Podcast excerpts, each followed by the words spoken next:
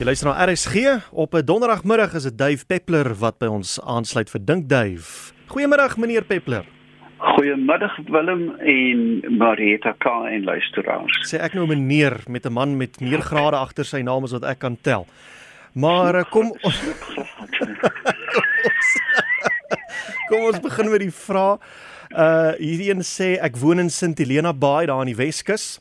Ek sal graag wil weet wat presies is rooi gety en hoekom is dit elke jaar min of meer dieselfde tyd en is dit dan veilig om visse of 'n uh, uh, kreef en mossels en so aan te eet?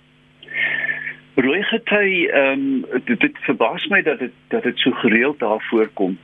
Dit is as gevolg van 'n ontploffing van alge wat bekend staan as dinoflagellate. Ehm um, maar wat nodig is voor dit kan uitbreek is dat daar opwelling van voedingsryke waarde water uit die diepte moet wees. Met ander woorde, daar moet 'n storm wees, 'n sterk aanlandige wind, um, en dan word die water gemeng, die voed die die die watervol voedingsstowwe kom na bo en dan ontplof die bevolkings van dinoflagellate. Nou ja, jy weet eh, die goed, die goed kan baie baie giftig wees en 'n mens veral weekdiere die mossels en die krewe en so voort met mes om geen omstandighede dan eet nie want dit kan werklik jou baie gaan jy doodmaak maar dit gaan jou baie baie siek maak. So visse kan jy nog eet. So as jy 'n snoek aan die lyn het laat by maar die kreefie moet jy maar teruggooi. Hierdie een sê elke lente sien ons die terugkeer van swaalkies na dieselfde nes. Partykeer breek hulle hom af, partykeer nie. Is dit dieselfde broeipaar elke jaar en uh, hoe lank is hulle leeftyd? Kyk die groot voelkenner uh Brown het gesê dat as jy wil weet hoe 'n voël moet doodgaan met jou skiet of oor hom ry, ons weet eintlik nooit hoe voëls hoe hulle doodgaan nie omdat hulle so vinnig verweer. Jy weet so dun velletjie en insekte vreet hulle baie geop. So die enigste manier wat ons kan uitvind hoe oud voels is om 'n ring aan hom te sit. Met ander woorde om hom oor en oor te vang. Nou uh, die eerste deel van die vraag is ja dit sal dieselfde paartjie wees, maar intussen, uh jy weet met die verloop van tyd oor 30 jaar byvoorbeeld, kan kan 'n aantal van die mannetjies in die wyfies gefrik het en is dan vervang. Maar dit bly 'n uh, 'n uh, 'n diskrete paar. Uh sommige breek af alle neste word oorgeneem, jy weet as jy kyk na ons gewone ou swaaltjie op die stoep, dan kom die windswaals en skop hulle uit en neem die nes oor. Um maar die die bou van neste kan histories oor seker honderde jare, jy weet veral teen kraanse um, en met baie ou brûe in Europa sien mense neste wat daar is vir eeue. So dit kan baie lank uh, aanhou. Hierdie is 'n vraag oor die bosluis, die siklus van die bosluis. Waarvan leef hulle voor hulle op 'n ander dier klim en kleef? Hoe lank kan hulle in 'n bos leef sonder om op 'n dier te beland? En hoe lank leef hulle dan as hulle op die dier is? Ooh, nou ja, kyk, bosluise eh, is netlik familie van die spinnekoppe, dis Anrachnidae en hulle is almal parasities en hulle het ehm um, ek nou mooi dink hulle het, hulle het vier lewensiklusse, die eier, 'n larwe, dan 'n nimf en dan die volwasse. En die eier suig nou nie bloed nie, maar die oomblik as die larwe uitkom, heg dit natuurlik aan die gasheer vas. Met ander woorde dan die die larwe is die enigste een wat eers een uitkom en hulle byt dan vas en suig bloed, maar daar is interessant uh lewensiklusse ook waar sommige bosluise 2, 3 of selfs 4 gasheere met hê. Dit is 'n hondbyt en dan 'n kat en dan 'n aasvoël wat ook al. Um en natuurlik verwant aan hulle is die tampans wat wat vakansiehouers in die in die Galagadi al te goed ken. Jy weet jy sit nog so onder 'n kameeldoringboom, dan stap die ding na jou toe soos 'n foxterrier en byt jou. Jy weet dit is verskriklike goed.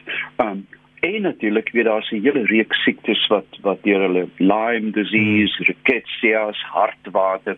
So mens in, in teendeel, ek was verlede week dodelik siek aan 'n bosluisbyt. Ek het gaan Ek het gaan bergfietsry en toe het ek natuurlik nou huis toe gekom en nie die nodige ondersoek gedoen nie, jy sien. Ja. Ehm um, 'n mens moet tog maar, jy weet, jou jou uh, lang spieël uithaal en jou jou lyf bekyk in die aande want jy weet as jy jou gepak het, ehm um, kan dit jou baie baie, siek maak. Hierdie een kom van Anay van Duyk in Kaapstad. Sy sê uh, van appelkoeskonfyt wat in die Oeverberg gekoop en gekook word. Hoe kan dit suur word? En appelkoeskonfyt uit Lady Grey daar in die Oos-Kaap jare hou sonder dat dit enigiets oorkom. Dis presies dieselfde resep, dis dieselfde metode. Het dit dalk te doen met die tipe appelkoes of het dit te doen met hoe nader jy gaan aan seevlak?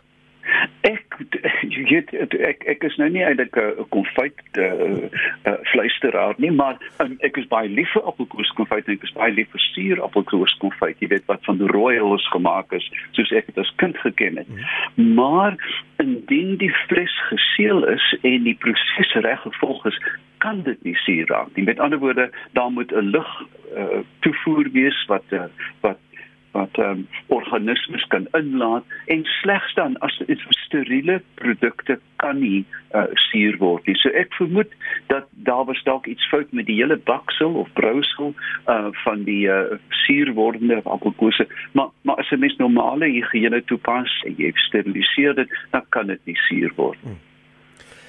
Amanda van Ventersburg in die Vrystaat. Sy sê ons het 'n reuse peperboom op ons plaas met 'n omtrek van 7 meter. Hoe kan ek hierdie boom se ouderdom bepaal sonder om nou om af te kap en ringe te tel? Ja, kyk jy, jy nou met jy 'n mak bosbouer nader hart. Ehm um, en wat uh, ek wonder of hulle dit nog het jy weet ek het jare geloop deur bosse en dan het jy wat bekend staan as 'n aanwasboor dit is 'n 'n dikkerige boor met met 'n hol kern wat jy dan in die boor die boom inboor nou op mik vir die kern en dan trek jy hierdie pragtig oh. weet jy so byna soos 'n boor vir olie of yskerne ja, maak ja. en dan het jy hierdie lieflike potloodagtige stukkie wat jy met die grootste gemak die ehm um, die ringe kan tel maar onthou tog net om die gat te seël want indien jy dit nie doen nie kan jy natuurlik organismes mm. uh insekte of swamme in die hart van die boom lei. So die enigste manier wat jy dit werklik kan doen is met 'n aanwaspoor. Soek 'n bosbouer. En hoe sal 'n mens daai gat seël of is dit ook 'n vraag wat jy vir die bosbouer moet vra? Nee nee, daar is 'n kommersiële uh, produkte op die mark en van die beste is wat jy wat jy aan 'n roos uh, as jy rose snoei, kry jy so groen verf en uh, jy kan dit maar net aansmeer hmm. en dan is jy verseker dat jou boom nie ver, weet toe dat daar nie toegang is vir patogene om jou boom te laat. En jy weet wat gebeur dan dat die die patogene gaan na die kern so die boom bly gesond, maar dit is net soos 'n drom, jy weet daar's ah. niks binne in nie en dan het jy groot probleme. Lenore Snyman sê ons boer in die Merwewil omgewing. In die verlede was perdevlee net so enkeles wat hoofsaaklik op en rondom die perde was. Tans is hulle oral. Is dit die gevolg van die droogte? Ek het gedink die droogte sal spesifiek eh, hulle bietjie verhinder om te oorleef, maar hulle definitief toegeneem. Ek hulle steek ook nou mense. Hulle is oral in die veld en laat hulle mos nie doodslaan nie. Jy moet hom spesifiek tussen jou vingers stikkend vryf of jou knipmes uithaal. Hoekom is daar nou so baie perdevlees? Ja, ek moet nou rondborstig herken. Jy weet in die dae toe ek werklik jonk was en roekeloos, het ek in in in vriende gewerk in die troepe dan die setsie vlee. Nou kyk 'n setsie is net soos ek gesê het van die tampan. Hy stap na jou toe en byt jou en as jy hom klap, raak hy net kwaad, jy weet. en dan dan het ons die setsies gevang en met 'n fyn skerpie sy proboscis afgeknip en gesê vlieg jou donder en dit was jy weet as jy regtig verveeld is in 'n oerwoud is dan dan doen jy sulke goed. Um ek dink net eenvoudig as gevolg van die droogte is daar minder prooi en dat die prooi basis nou gekonsentreer is tot mense. Dis dis nie dat daar noodwendige verdigting oor die veld is nie, ek praat onder korreksie, hmm. maar dat 'n enkel persoon, 'n hond of 'n bees of 'n skaap nou 'n prima teiken word. En ons weet dat die insekte gebruik hulle hulle tas temperatuur af en ook jou asem, hulle kan CO2 vlakke meet en dan kan hulle gewoonlik punt op na jou toe vlieg. Met ander woorde, as die as dit totaal doodstil is, is daar minder, die oomblik is daar windjie, daar is daar meer en ek dink dat die die bron van voedsel het so verminder dat die verdigting op die enkele bron nou hoër lyk. Dink ek. Nou ja, Dave, ons moet eh, op daai noot halt roep. Baie dankie weer eens vir die saamgesels. Jou webwerf vinnig weer. Ja, webwerf is dave.1woordkleinletters.com en dan is daar ook 'n verwante Facebook. Hulle is geïntegreer so as jy in een raak bewe die ander een. Goed. dankie Dave, ons maak volgende week weer so. Tot dan. Dave Peppler, elke donderdagmiddag hier van 20 voor 5 af of op Spitstyd, gaan besoek sy webwerf davepeppler.com of gaan op Facebook en dan tik jy in Dave Peppler.